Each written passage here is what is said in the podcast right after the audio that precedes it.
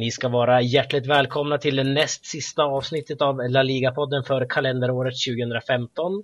I veckans avsnitt ska vi bland annat prata om Gary Neville i Valencia, eh, Diego Simeone och Neymar som månadens manager respektive månadens spelare. Eh, vi ska även prata om Luis Suarez stämpling och en hel del Real Madrid. Daniel Jakobsson heter jag och eh, med mig finner vi som vanligt den alltid lika frispråkiga Sam Saidi. Hur är läget med dig Sam? Det är fint. Har precis bevittnat Real Madrids utskåpning av Malmö så... Äh, du kunde inte må bättre? Nej, jag, jag, jag, märkte nu när jag påbörjade den där meningen att det kan inte vara det som gör att jag mår bra. Jag mår bara allmänt bra. ja, allmänt bra. Härligt. Det är så det ska vara. Ja. Uh, med oss den här veckan har vi även Soroush Hassonspor som gör sitt tredje inhopp i La Liga-podden, uh, men sitt första för denna säsong. Hur är allt med dig Soroush? Uh, det är bara bra. Jag har ju faktiskt njutit av Real Madrids kross av Malmö så det är jag ganska skönt. Precis, du håller ju på Real Madrid då, och eh, är väl därför du är med tänkte jag säga. Det är inte alls därför du är med, men det är stor anledning till att vi har med dig för att vi ska snacka lite om Real Madrid senare i programmet. Eh, men vi hoppar direkt på den första programpunkten som är ny för dig Roserush, därför den var inte med när du var med förra säsongen. Eh, den heter Veckans fråga som man skickar in till laligapodden.gmail.com eh, där man skickar in ämnen, synpunkter eller frågor som ni vill att vi ska ta upp. Och eh, denna vecka har vi tagit upp en fråga från eh, Gustav Andersson eh, som lyder som följande. Vem eller vilka har varit ligans bästa målvakter den här säsongen? Jag skickar den direkt till dig Sam. Eh, svaret är givet. Det är eh, Keylor Navas har varit ligans bästa målvakt. Och det motiverar jag med att eh, han har många gånger räddat Real Madrid.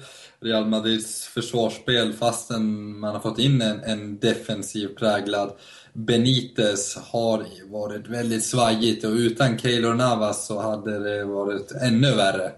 Eh, mm. Så att han, han har verkligen eh, visat varför, eller visat, han är världens bästa målvakt och han har tystat kritikerna och då har jag hela de Gea-gate i bakhuvudet. Ja. Sedan skulle jag väl kanske strax bakom lyfta fram Även Claudio Bravo tycker jag har liksom tagit stora steg. Men eh, ja, nej, vi, vi fortsätter. Mm, Okej, okay. Keller Navas säger Sam här, även ja, till viss del Claudio Bravo. Va, vad säger du då Soroush? Vem skulle du vilja belysa? Eller vil, vilka skulle du vilja belysa? Alltså, ja, utöver både Navas och, och Bravo så är väl Jaime, Jaime i, i Valencia som jag tycker egentligen har varit ganska bra. Och mm. då, då, får man ju, då får man ju ja, ta in sammanhanget Valencia rent överlag och hur det har sett ut där. Men jag tycker att han med tanke på målvaktssituationen där också har gjort det ganska bra ifrån sig. Bättre än jag tror många förväntade sig i alla fall. Mm, mm. Precis. Eh, några andra som finns, om jag får belysa någon, är ju exempelvis eh, Jan Oblak i eh, Atletico Madrid. Eh, han leder ju Samora-trofén just nu. Eh, har bästa, bästa statistiken efter 14 matcher sedan 95-96 faktiskt. Mm. Eh, vilket är ganska imponerande måste man ändå säga. Och Paul Lopez i Espanyol är ju en annan ung och lovande målvakt som är värd att belysa skulle jag vilja säga. Mm. Är, är, känns det som att vi saknar någon här nu? Eh, eller känner vi oss nöjda med det? Jag skulle väl, jag hade velat lyfta fram eh, Sergio eh, Alvarez i, i Celta Vigo, men efter mm. den brutala liksom, missen han gjorde här för någon omgång sen så, så avstår jag. Men han, han kom med i en parentes ändå. Ja, precis. Ja, men jag tycker ändå vi fått med en hel del så att, eh, jag hoppas vi svarar på din fråga Gustav Andersson. Och som sagt, eh, skicka in era frågor, era ämnen och synpunkter till laligapodden gmail.com så tar vi förhoppningsvis upp det nästa nästa vecka som är då sista för kalenderåret 2015 innan vi går på en liten vila. Eh, vi går vidare och snackar om Gary Neville faktiskt. Jag trodde aldrig att jag skulle göra i den ligapodden. Inte jag. Eh, men vi ska snacka om Gary Neville som faktiskt är ny Valencia-manager. Han tar över efter Nunes, Brito Santo och det slog ju verkligen ner som en bomb här i veckan måste man ju säga. Uh, ja, jag vet inte vart jag ska börja riktigt. Sam, vad har du att säga om Gary Neville i Valencia? Ja, jag har mycket att säga. Eh, jag vet inte heller riktigt vart jag ska börja. Om jag tittar bara på hela den här eh, anställningen och hur man har resonerat så har ju liksom Peter Lim sjunkit i mina ögon.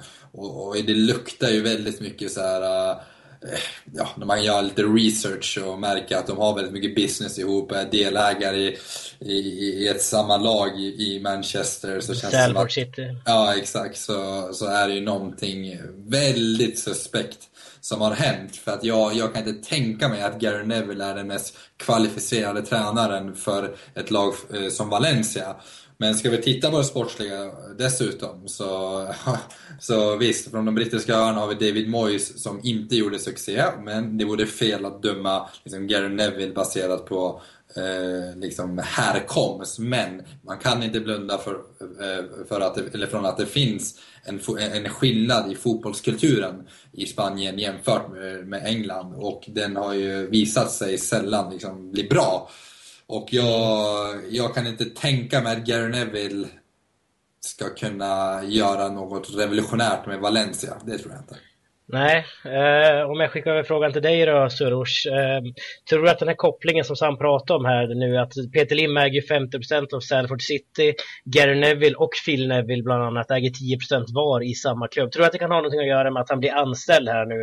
Eh, därför förra veckan så rapporterade vi om att Phil Neville skulle kliva in som assisterande tränare till Borro och nu är det Gary Neville som tar över helt här. Va, va, vad säger du Surush? Alltså det, det finns ju onekligen en koppling där och det, det var ju lite samma samma kritik som lyftes upp mot Santo, att, eller när det började gå trögare där, var att han inte heller var tillräckligt kompetent utan att det var kopplingen Mendes som hade satt honom på den positionen. Mm. Så jag, jag tar nästan för givet att Neville har den kopplingen, att det är därför han sitter där. Sen huruvida han kan lyckas eller inte blir en helt annan diskussion, men jag tar det bara för givet att absolut det finns en koppling däremellan. Mm, precis, vi hade ju Kasper Nordqvist här för några veckor sedan som eh, håller på Valencia. Eh, och han eh, sa ju det att eh, klubben försöker bryta lite grann med Jorge Mendes och snarare gå på Peter Lims väg. Eh, men, men vad, vad, säger du Sam, blir det inte problematiskt när man ställer sig mot kanske världens eh, mäktigaste agent för att köra sin egen propaganda? Och man gör ju på samma sätt egentligen. Man promotar sina egna så att säga. Jo, det är problematiskt och jag, jag känner ju att hela hela Valencia som klubb missköts på många sätt. Liksom, jag såg ju Peter Lims inträde som någonting positivt i grund och botten. Eh, men eh, jag vill ju att Valencia ska komma tillbaka till den här stormakten de var när, när jag växte upp i början av 00-talet med spansk fotboll. Då, då var de ju ändå det Valencia som, liksom, de fortfarande, som som de är i mina ögon fortfarande, men i praktiken så är, de, är det ett annat Valencia. Och mm. Eh, ja, det, det, det är inte kul helt enkelt i, i, om man ska, eh, när fotbollsromantiken i mig så här, kom, vaknar till liv. Ja, eh, vi, vi snackar mycket här om att Gary Neville kanske ett problematiskt val här nu, men Soros, vem skulle du hellre ha velat haft? Eller tycker du att Gary Neville ändå kanske är ett bra val för Valencia? Alltså jag tror, jag tror han kan vara ett bra val i det kortare loppet. För att han, han kliver ändå in här med rätt ambitioner tycker jag och sen, sen får man väl själv avgöra hur mycket den kopplingen till Sir Alex Ferguson väger in och, vad det säger om Gary Nevilles taktiska tänk. Men jag tror absolut att det kan vara en, en rätt, rätt tränare för Valencia. Men det blir ju det att bortom den här säsongen vart ser vi Valencia? Vart ser vi Valencia nästa säsong? Mm. Där, där börjar det bli desto oklarare egentligen. Ja, sedan så, Gary Neville har, väl, har jobbat mycket som expertkommentator som jag, jag har lyssnat, I Sky Sports. I Sky Sports och jag har ju lyssnat på honom och vi kan inte komma ifrån, jag, jag tycker han har väldigt så skarpa analyser men å andra sidan så, kan, så är det ju en sak att sitta i en studio alla Bosse Pettersson och eh, Erik Niva och dra liksom slutsatser. Och, eller Samside i La Liga-podden. Eller Samside i La Liga-podden och liksom eh, sitta och liksom spekulera och eh, ha, nu har inte jag videoanalyser som som de här herrarna har eh, och eh, komma med ganska intressanta analyser för den liksom, mainstream-supporten. Men det är en helt annan sak att kliva in i ett eh, omklädningsrum och, och leda ett lag som Valencia och dessutom liksom applicera taktiska kunskaper i verkligheten. Det tror jag är en helt annan sak. Mm, hur går det för honom då Sam? Eh, jag är lite inne på Soroush linje. Det kan gå bra i det korta loppet men i liksom det längre loppet så ser jag inte att Gary Neville är Valencias framtid. Nej. Ehm, vem, vem hade man kunnat valt här istället? Vi, vi var ju kluven på det här, eh, till det här redan förra veckan. Ja. Har du någon tanke här Soroush? Vem som eventuellt hade kunnat ta över istället för Gary Neville om det hade varit helt objektivt utan kopplingar och så vidare? Nu, nu snurrade ju Ancelottis namn och även om jag inte tror att det kanske riktigt var verklighetsbaserat så hade ju det helt klart varit ett bättre namn. Men nu, nu hamnar man ju onekligen i det här att nu ska man leta tränare mitt i säsongen och då, då är det inte särskilt många som är lediga.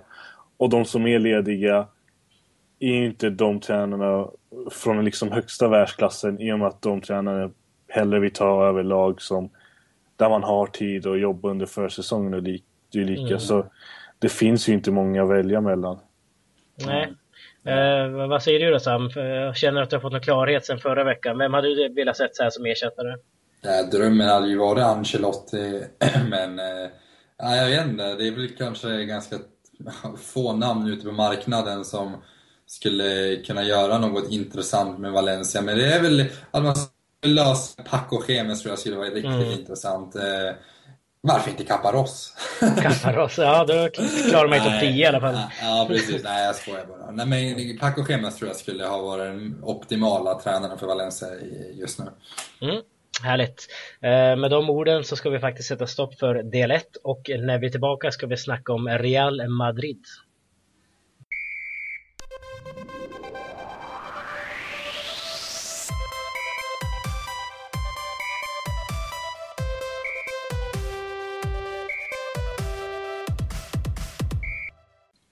Real Madrid har i helgen och veckan som varit tagit två komfortabla segrar mot först Getafe med 4-1 och sedan Malmö FF med hela 8-0. Ehm, så Rosh, om du kollar på de här två matcherna som ni har spelat så här väldigt nyligen och jämför dem med kanske den tidigare formen när vi ifrågasatte Real Madrid och så vidare. Vad är det som stämmer nu för ditt Real Madrid tycker till skillnad från tidigare?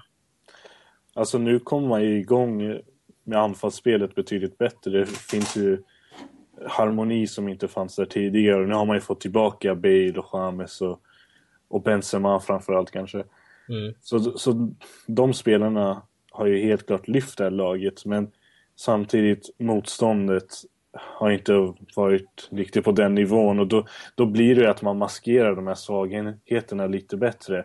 Mot mm. till exempel Barca så blir man ju verkligen helt uthängda och det är klart man inte blir det mot Getafe eller Malmö. Så det är nog mer det också att det syns inte riktigt än. Det kommer bli ännu tydligare ju längre fram på säsongen vi går. Ja, precis. Um, vad säger du Sam? Ser du någon skillnad på Real Madrid, kanske de två senaste veckorna eller den senaste veckan i alla fall, till skillnad från tre, fyra veckor sedan när det såg väldigt uh, illa ut måste man ändå säga. Det känns som att eh, efter förlustmatchen mot Barcelona så har, det, har laget ja, kommit i någon slags harmoni och det, det, är inte... Det kunde bara bli bättre, det, det är lite det. Att eh, det, det, var väldigt svårt att prestera sämre och eh, det fanns inget mer att förlora. Och då liksom var mycket liksom tyngd släppt från axlarna och, och, och de rätta ansiktena kommer fram. Och precis som Soros inne på har offensiven släppt. Mm. Så att, eh, men det, man ska inte dra för stora växlar heller. Motståndet har inte alltid varit liksom av högsta klass, eller det har inte varit det. Speciellt mm. matchen mot Malmö var ju liksom ett skämt stundtals. Så att, eh, ja, det, det är i alla fall ett rätt steg, eller ett steg åt rätt riktning. Precis, även om det är liksom de här lite mindre lagen. Jag menar om vi tar Rafa Benitez, det var det vi var oroliga för inför säsongen. Att det var ju de här matcherna han skulle tappa. Eh, nu vinner ju ändå Real Madrid under Benitez med 4-1 respektive 8-0. Eh, kan inte det vara ett styrkebesked ändå då Soroush, även om det liksom kanske inte är det svåraste motståndet så att säga? Jo, alltså det, jag tror också delvis att det, det ger laget självförtroende och när man, när man ser dem bara spela mot de här kanske lite mindre lagen, med all respekt, så ser man att spelarna njuter ju av det här på ett helt annat sätt. Och då är det klart att jag tror ändå att det självförtroendet är värdefullt när man, när man sen ska lyfta in det mot större lag. Men mm. annars, rent taktiskt, det blir svårt att dra de här just lite mer breda parallellerna. Mm. Men eh, absolut, det, det, får ju någon effekt. Sen hur stor den effekten är, det får man ju mäta senare. Ja, precis. Eh, tycker ni att resultat, tycker du resultaten var rättvist då? 8-0 och 4-1? Ja, det, det tycker jag väl. 8-0 är ju väldigt stora siffror måste man ändå säga. Ja, det, det var väl mer att Malmö vek, vek ner sig, men samtidigt gjorde Real Madrid det väldigt bra. Den intensiteten de faktiskt la in mot stackars Malmö eh, höll väldigt hög klass. Sen, eh, så att jag tror det är en kombination av att Malmö var väldigt dåliga och att Real Madrid faktiskt spelade ja, liksom på en hög nivå, även om det finns mm. säkert mer att hämta. Mm, härligt. Eh, innan de här två hemmamatcherna mot Getafe och Malmö så vann ju även Real Madrid en annan match i Copa del Rey eh, borta mot Cadiz nere i Andalusien. Eh, man vann matchen men är nu utkastad ur Copa del Rey. Eh, så Rush, vad har hänt? ja, det, ja, eh, det verkar vara en faxmaskin som har strulat ner i Madrid. Eh, ja. Det, det, är jättesvårt att se vad som har hänt. Det, någon verkar ju ha missat att Dennis Cherchev var avstängd eh, i Kopan. Och man ställer upp med honom i elvan och så får han göra mål också, vilket, mm. vilket var ju ganska typiskt. Så det är det som har hänt. Sen vart vi ska lägga skulden och hur, hur man någonstans ska gå vidare med det, är där det blir rätt oklart. Ja. Det, det, är så svårt att svara på det, för det här ska inte hända och många har sagt det, men det, det är ju verkligen korpen-nivå det här. Det är verkligen jag menar, vi har, det är ändå Real Madrid. Det är Real Madrid. Alltså jag menar, det är ju världens största klubb. Störst fanskar av alla. Eh, man kanske, inte i Spanien, kan, jo, jag skulle vilja säga Spanien också. Eh, och det är den största globala klubben vi har i världen. Och att det här ska hända Sam. Eh, hur kan det ens komma? Det, det är komiskt på många sätt. Men hur kan man ha missat detta? Att Cherchev är avstängd? Ja, det får ju inte ske på den här nivån. Det är ju det som ska skilja just Korpen mot, mot La Liga och, och, i synnerhet de här storklubbarna. Så att, ja, det, det är väldigt oförklarligt på många sätt och jag tror, hittar man en ansvarig så ryker nog jobbet också. Mm. Eh, men jag tycker det är helt rätt i alla fall. Jag tycker att eh, det hade varit problematiskt om man inte hade uteslutit Real Madrid i och med att man, det fanns ett liknande fall förra säsongen, jag kommer inte ihåg exakt vilka det var. Eh, som, som jag, tror det var, jag tror det var Osasuna som blev... Ja, Osasuna, ja. Och så att det, det, jag tycker det är ändå så här skönt att se att det finns en konsekvens även mot de här större lagen. Om inte Real Madrid på något vis lyckas komma ur det här nu.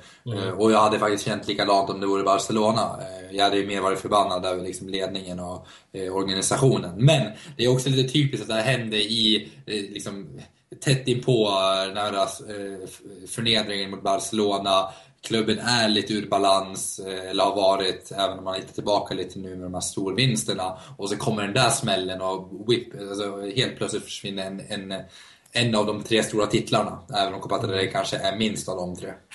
Ja, precis. Eh, vi har ju här, om vi kollar vem som får skulden för det här, så är det ju, många lägger det på Benitez, vissa lägger det på Perez, vissa lägger det på klubbchefen, men vissa lägger det också på Cherchev. Um, och det tänker jag säga, Soros, tycker du att Cherchev har, ska få skit för det här? Tycker du att han borde veta om det? Eller känns det som att han bara ska ut och spela liksom? Mm, nej, jag, jag tycker, visst kanske borde han haft koll på det kan man tycka. Men jag tycker inte att skulden ska ligga på honom. Och sen var ju Cadiz-publiken de var ju, de var ju väldigt, en, väldigt på honom under hela matchen och då tyckte man ju rätt lätt synd om honom. Mm. Speciellt i och med att han sällan får chansen. Så, nej, jag tycker det är ganska, det är ganska taskigt att nästan lägga skulden på honom. Han, mm. han blir ju offer här, tyvärr får man säga. Mm. Vad säger du Sam? Ja, nej det är inte det. här uh, i en klubb som, uh, som Real Madrid ska ska det där vara ordnat liksom. De, de ska ju vara i stort sett robotar som bara ut och spelar, tänker inte på något mer. Allt är serverat på ett silverfat. Du kommer in i omklädningsrummet, allt är redo liksom. Så mm. varför ska inte det där också vara redo? Ja, precis. Uh, en som, då, som jag var inne på fick skulden var ju Rafa Benitez. Uh, han har varit i klubben nu i några månader. Uh, några Champions, de är klar, för, de vann väl gruppen nu också, Real Madrid, här i mm. Champions League. Ligger trea i ligan, ut ur Copa del Rey idag. hur skulle du summera hans tre, fyra första månader i klubben, Soroush? Alltså rent, rent överlag, ser man till tabellen så är det väl godkänt skulle jag säga, inte mer och inte mindre egentligen. Mm. Men det, det, är så svårt att jämföra det där också för Real Madrid, Barcelona, klubbarna på den här nivån, de kräver verkligen perfektion. Och mm. så fort man liksom vandrar bort från det där så kommer den här kritiken. Sen har det, sen har det varit lite svårare för Benitez i och med att han är ganska speciell personlighetsmässigt och hur han kanske bemöter media. Så då, mm. då blir det lättare den här stormen. Nu har han inte sparkat eller kickat igång än, men så fort det börjar gå sämre för Real Madrid då kommer media vara ute efter Rafa. Och, det här har vi ju sett hur många gånger som helst i Real Madrid. Det kommer ske förr eller senare. Det brukar göra det och just runt Benitez också, vart han än har varit och snurrat, om det var varit i England eller Italien och så vidare, har det alltid varit någon, någonting runt Benitez. Eh, jag vet Steven Gerrard exempelvis som var, han var ju som bäst under Rafa Benitez i Liverpool. Men Gerrard har ju sagt det att han, har aldrig, han fick aldrig höra en enda positiv sak från Benitez. Han fick aldrig höra hur bra han var, eh, utan fick snarare höra att det här kan du göra bättre. Eh, Sam, känner du att det kan vara något problem för exempelvis en sån som Ronaldo att inte få höra att han är världens bästa? Det, för det har ju aldrig Benitez gått ut och sagt i media exempelvis. Mm. Det tror jag definitivt det ligger något i.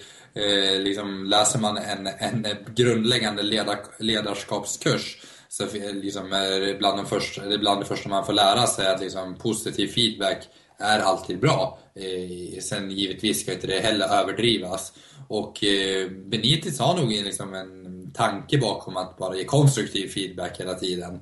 Eh, men just de här stora personligheterna som Ronaldo som drivs av att vara bäst mm. Eh, påverkas ju förmodligen av detta och jag tror definitivt det är en anledning till varför Ronaldo känns missnöjd eh, med hela Benitez, eller med Benitez, men också liksom hans synsätt på fotboll, att det är väldigt mycket kollektivet som ska jobba tillsammans, vilket jag gillar. Och att Ronaldo kanske inte blir särbehandlad på det sätt han vill bli särbehandlad. Nej precis, han har ju nu senast i och för sig eh, hyllat BBC, alltså Benzema, Bale och Ronaldo. Men enskilt har han ju inte hyllat någon av de här spelarna egentligen.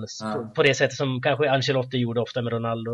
Eh, men nu är ju Ronaldo, om vi ändå är inne på honom, han är ju i ganska fin form nu. Måste man ändå säga. Gjorde fyra mål ikväll här exempelvis och eh, gjorde några mål senast också i ligan. Känns det som att han hittar rätt nu Soros, Ronaldo här i Benites spelsystem? Det, det tror jag, eller ja, som vi var inne på kanske lite tidigare, nu i och med att de här spelarna kommer tillbaka så får ni också de här lekkamraterna tillbaka. Mm. De här som, det, det är ju det, alltså verkligen att, för de andra spelar ju väldigt mycket för Ronaldo också. De är ju med på det här att om han gör mål så vinner vi och då mår vi alla bra. Så dels har de ju det där på gång men nu, nu när Benzema är tillbaka också så får han lite gå tillbaka till sin kant och då, han verkar ju trivas där betydligt bättre. Mm. Och sen får man ju hoppas att Benzema håller sig fri på annat håll liksom. Ja, så man får precis. honom det. Ja, det är ju en hel historia det också, det här med Fran Frankrike och så vidare. Eh, men eh, om, vi, om vi kollar här nu på Ronaldo och Sam. Eh, vissa säger, om vi läser exempelvis Real Madrids forum på svenska fans, eh, så är ju många inne på att det här är Cristiano Ronaldos sista säsong i klubben. Eh, tror, att, tror att det kan vara så? Tror du att Ronaldo kommer nöja sig efter den här säsongen? Eller tror, om vi säger att Benitez lämnar, tror du att han stannar kvar då och så vidare?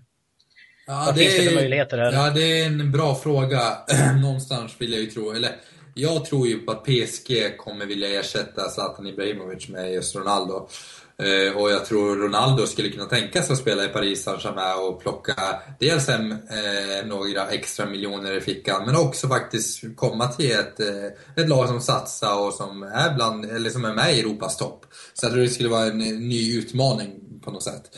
Men eh, jag tror också det skulle vara bra för Real Madrid om Ronaldo eh, lämnar. Jag tror att laget Real Madrid kommer bli starkare. För sanningen är att Real Madrid sedan Ronaldo kom inte är en... Eh, det är ju ingen succé. Det är ju liksom i relation till hur mycket man har spenderat och eh, liksom byggt kring Ronaldo så har ju titlarna lyst med sin frånvaro. Det, det är inget godkänt facit och nu, nu skyller jag inte det här på Ronaldo enskilt. Men jag tror att en, en eh, faktor bakom varför Real Madrid inte kommer få ihop ett kollektiv. Ja, eh, så håller du med Sam om den analysen? det är ja, alltså, min, min tes har ju någonstans varit att Real Madrid absolut kan bli starkare efter Ronaldo om man ersätter rätt. Sen har ju det inte alltid varit självklart i Real Madrid att man köper rätt spelare och, och sätter dem på rätt positioner. Men jag tror absolut att Real Madrid kanske just i det här skedet mår bra av att gå vidare. För att, att titlarna inte har fallit in, det är inte Ronaldos fel. Men nå, någonstans blir ju också det utvärderingen man, man, man lämnar med liksom. Ja, tror du han blir kvar till nästa säsong då? Eh, eller tror du han stannar utifall att Benitez lämnar eller hur ser du på det här? Ja, min, jag, jag tror inte han har bestämt sig. Jag tror han vill lämna den dörren öppen. Men och, om, om, det, om det nu kommer ett erbjudande från PSG då tror jag han också först vill höra om Real Madrid har något kontrakterbjudande på gång. För mm. jag tror inte han har bestämt sig, men jag tror det är ju lite det att han kan tänka sig gå till PSG, han kan tänka sig stanna kvar. Hur det blir, det, det får vi helt enkelt se. Mm.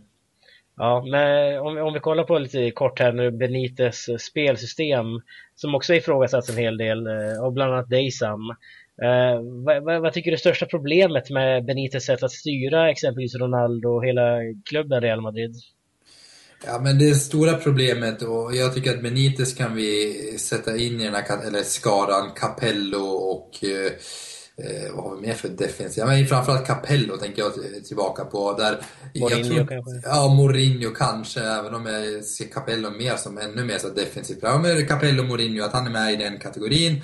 Och eh, Real Madrid vill någonstans spela en annorlunda fotboll, vill spela mer en attraktiv, anfallsinriktad fotboll. Och det kommer man inte göra med, med Benitez som snarare ville ha en, eh, liksom bygga klassiskt sett från grunden Eh, med, ett stabi med en stabil centrallinje, därför Casemiro har slagit igenom. Eh, och jag tror att nu har man väl valt att liksom köra med Benitez här, då kan man lika gärna låta honom få implementera sina idéer. För resultat vet vi att Benitez kan nå, även om det har sviktat lite de senaste åren. Eh, men jag tänker, jag, jag ser ju liksom, för mig är Benitez Valencia runt 2003 där och sen Liverpool. Att han kan göra när han får liksom implementera sina idéer så är han farlig. Han är farlig i stora matcher, han är ett taktiskt geni. Men jag tror att de senaste klubbarna han har varit i så har han motarbetats väldigt mycket från eh, högre eh, makter i, i klubbarna. Och i Real Madrid, alltså kolla på matchen mot Barcelona, det är ju inte en, Morin, eller en Benitez Elva som ställer upp. Det är ju en eh, Perez Elva. Ja, att, eh, men vad säger du Surur som ändå håller på Real Madrid? Håller du med Sam här att det kanske att han motarbetas i sin egen klubb, eh, i detta fall Real Madrid då? Jag tror inte att det finns några, jag tror inte att man direkt har gått in i omklädningsrummet och petat på den elvan. Men jag tror absolut att han, han faller lite för den här populismen och att ja, vi som följer La Liga vet ju hur det är med Marca, Ass och alla de här tidningarna mm. som alltid ska tycka till och de ska alltid vara, vara där och ha någon åsikt. Så jag tror han faller lite för det. Och sen mm. vet vi att sen har ju Real Madrid också tendensen att absolut, när det börjar gå dåligt, då kliver någon annan in och ska tycka till om den elvan. Så återigen, liksom, det, det, är bara, en, det är bara en tidsfråga innan det, det också sker. Men just nu tror jag han fortfarande har det här mandatet från högre upp att, att styra upp det här laget som han vill. Sen om det funkar, då, då blir det ju där att då kommer han få fortsatt förtroende. Men just nu är han ju inte, inte riktigt där i alla fall. Mm, härligt. Eh, vi ska faktiskt eh, runda av del två här nu och i del tre som även är den sista så ska vi diskutera månens manager, eh, månens spelare och lite Luis Suarez. Häng med på det!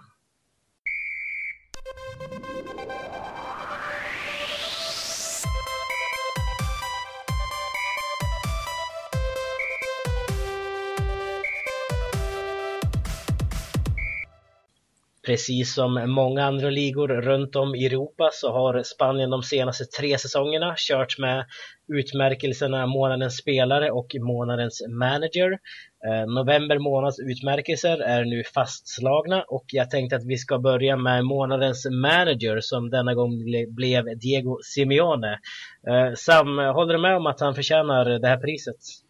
Uh, ja, definitivt. Det är nästan som att vi har glömt bort eh, Atletico Madrid den här, uh, hur jag säga, terminen, den här, den här hösten. de har smugit och Simeone fortsätter göra ett helt fantastiskt arbete med Atletico Madrid. Och de är två poäng efter Barcelona. Jag tror, ja, de har gjort, de har, jag vet inte hur många mål de har gjort nu, jag tappar bort den här. I ligan? Ja, 20, 20 mål, 6 insläppta. 6 de har minst insläppta i hela ligan. Mm. Eh, och ja, det är, man är inte förvånad längre. Man, man, man, man vet vad Simeone går för, men någonstans när man får det på, papper, när man ser de här siffrorna så blir man så nej han har gjort det igen. Eh, men den här gången var det speciellt för att nu har man inte tänkt på det, utan det bara dyker upp från ingenstans. Ja, man kanske blivit van också på, på ja. något sätt att Atletico ja. är där nu för tiden. Ja, det är lite normaliserat på något vis. Ja, precis. Eh, vad, vad, säger du Soros? Hur tycker du att eh, Diego Simeones eh, månad har varit här i Atletico? Eh, den har ju bevisligen varit ganska bra, men det, det, är just det, det är just det Sam säger att han har ju någonstans...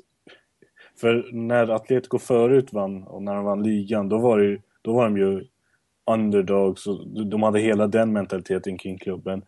Nu har han ju helt egentligen lyckats vända på det där och nu, nu, nu är de ju självklara där. Nu förväntar de sig vara där. Och det säger mm. ganska mycket om inte bara det laget han haft utan hela klubben och hur den trenden egentligen har vänt. Real Madrid-supporten älskar ju, älskar ju kalla Atletico lillebröderna eller lillebror och liknande. Och det stämmer ju inte längre. Mm. Vilket, och det säger ju väldigt mycket om La Liga.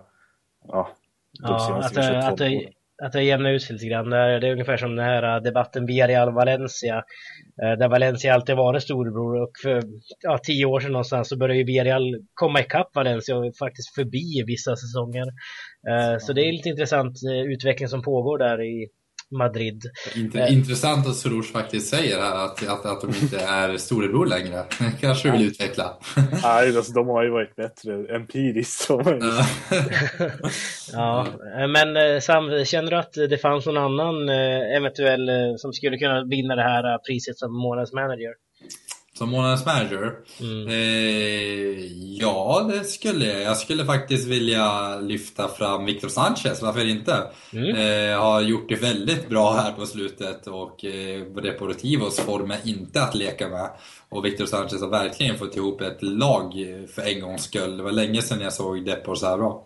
Ja, härligt. Mm. Känner du att det fanns någon annan som kunde vinna det här?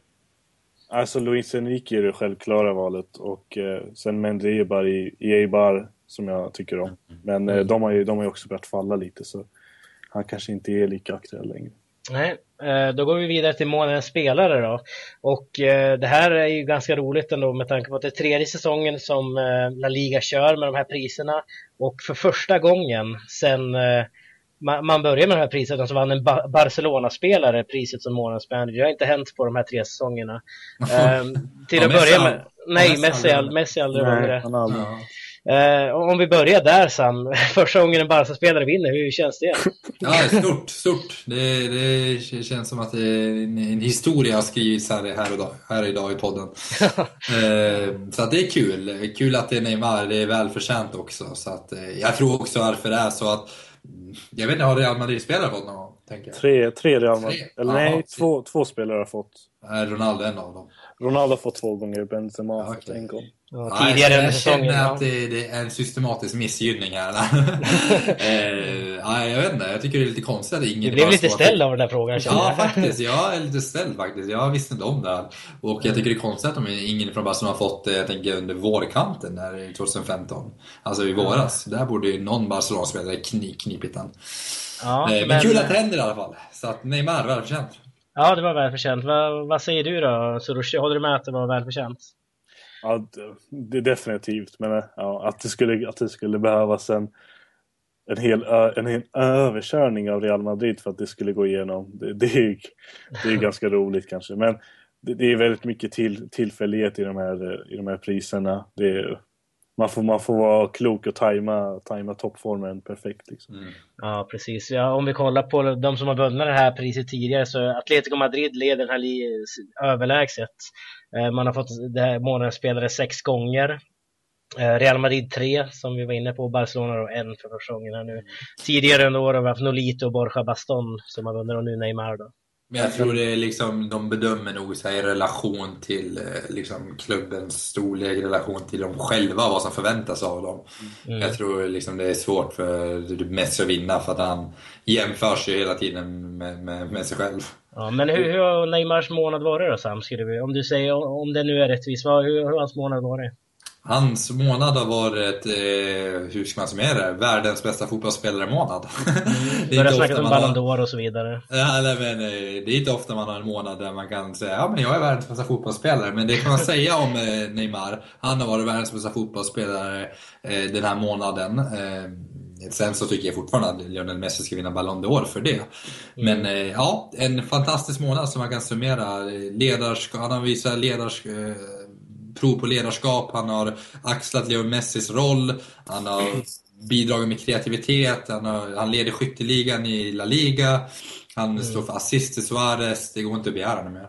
Nej, precis. Det, det är såklart svårt att summera en hel månad också för den delen. Men som du var inne på, världens bästa spelare i en månad.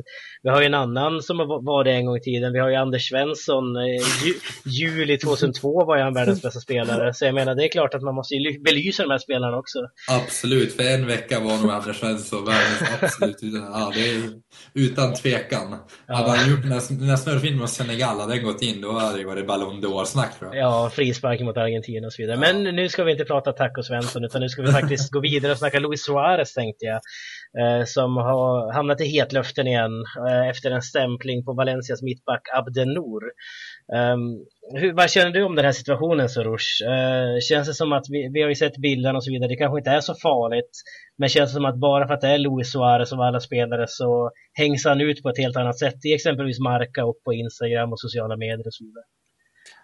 Så är det väl absolut. Har man, har man ett track, track record med, med sådana incidenter så, så mm. går ju nästan folk runt och väntar på att det ska hända igen.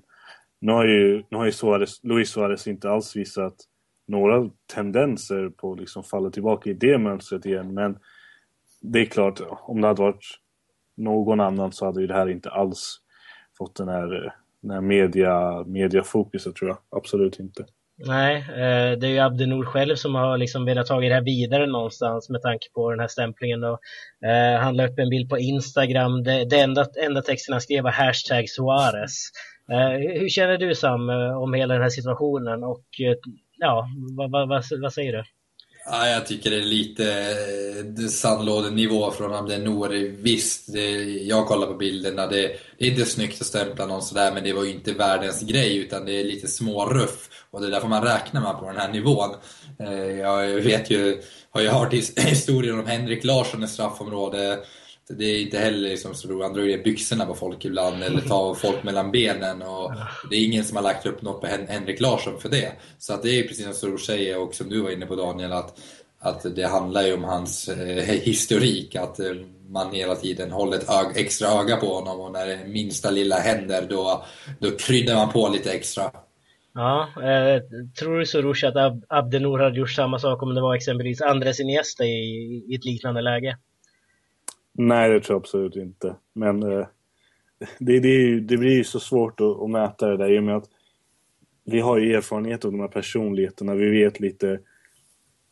Alltså vi, vi har en ganska begränsad bild av spelarna men vi känner dem ändå på någon nivå. Då är det klart att Iniesta desto mer sympatisk och mer omtyckt egentligen i hela landet jämfört mm. med Suarez som gärna blir, eller i, i många ögon blir ju skurken med jämna mellanrum.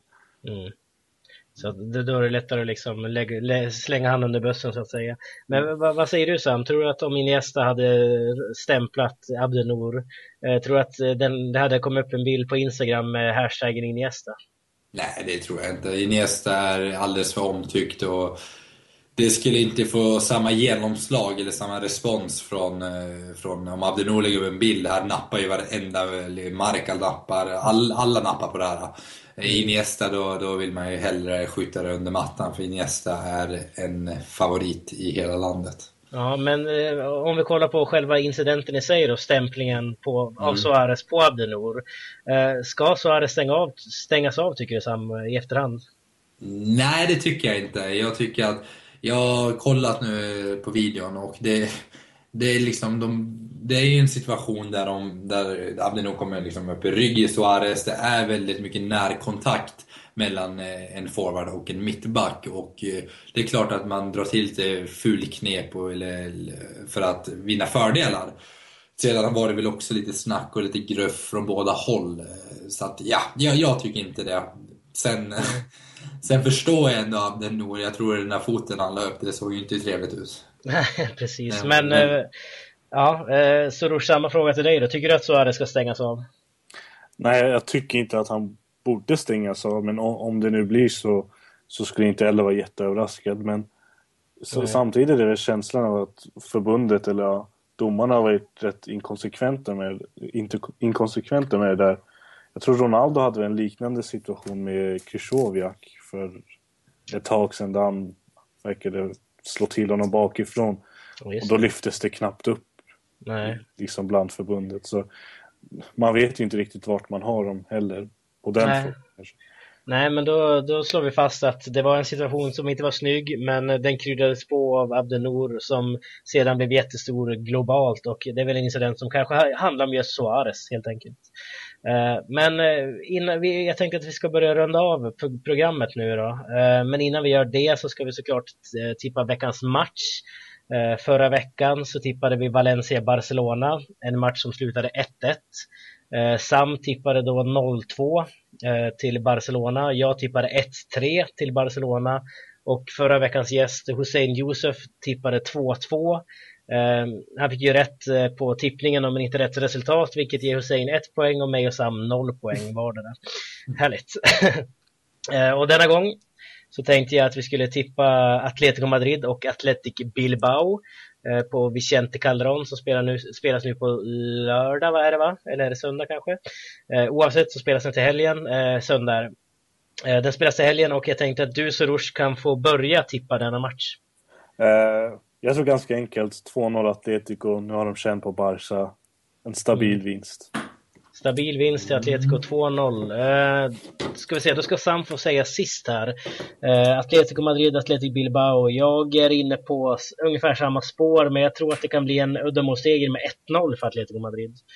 Eh, där eh, Torres kanske, nej, inte Torres. Eh, Ja, jag vet inte, jag kan inte tippa målskytt faktiskt om jag ska vara ärlig. 1-0 eh, till Atletico Madrid, vad säger du Sam? Ja, jag tror... Ah, jag vill ju ta 1-0 där. ja, jag tar 3-1 till Atletico Madrid. 3-1, se där ja. ja. Det är dags att släppa in ett mål nu känner jag. Ja, precis. Och de slänger de fram lite mer mål framåt. De har ju varit lite sisådär med det annars under säsongen. Eh, härligt, men då har vi resultaten där då. 2-0, 1-0 och 3-1.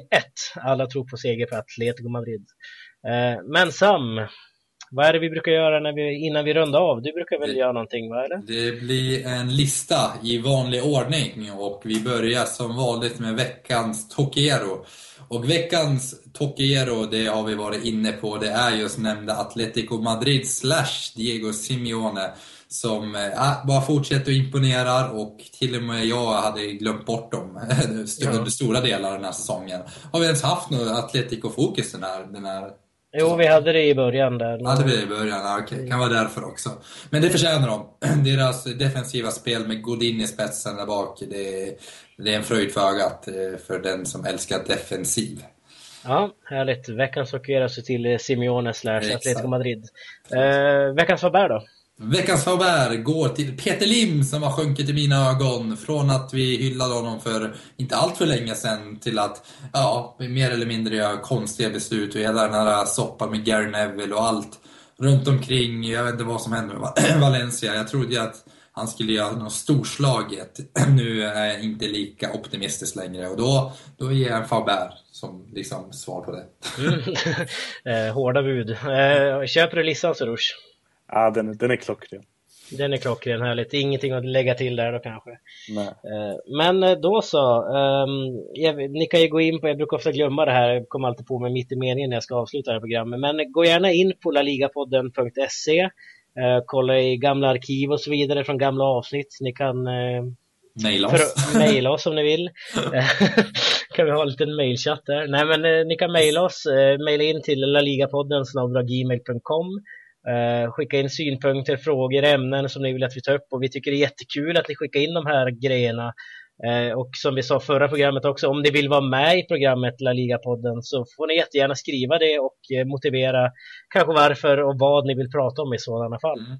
Ja, jag tror det finns mycket så här, eh, dold expertis där ute som inte kommer fram. Så att, det, det tycker jag ni ska göra, kära lyssnare. Jag tror ni alla har någon, en expertis som, kan, som ni borde dela med er av. Precis, det är alltid kul att höra experter. Vi får ju lyssna mycket på Sam här som gärna ville vara expert. Så. så tror jag, jag tror ofta jag är expert, men ibland när jag går och lägger mig tänker jag, är nog inte det ändå. Nej, precis. Ingen Erik Niva kanske. Nej, det är nog inte. Jag är en bluff på många sätt. ja, härligt. Men med de orden så tror jag vi rundar av det. Tack så mycket för att du var med denna vecka, Sorush. Tack för att jag fick komma. Eh, hoppas vi ser dig i framtiden här igen. Eh, det lär vi nog göra tror jag. Absolut. Men tack för oss. Hej då! Hej då!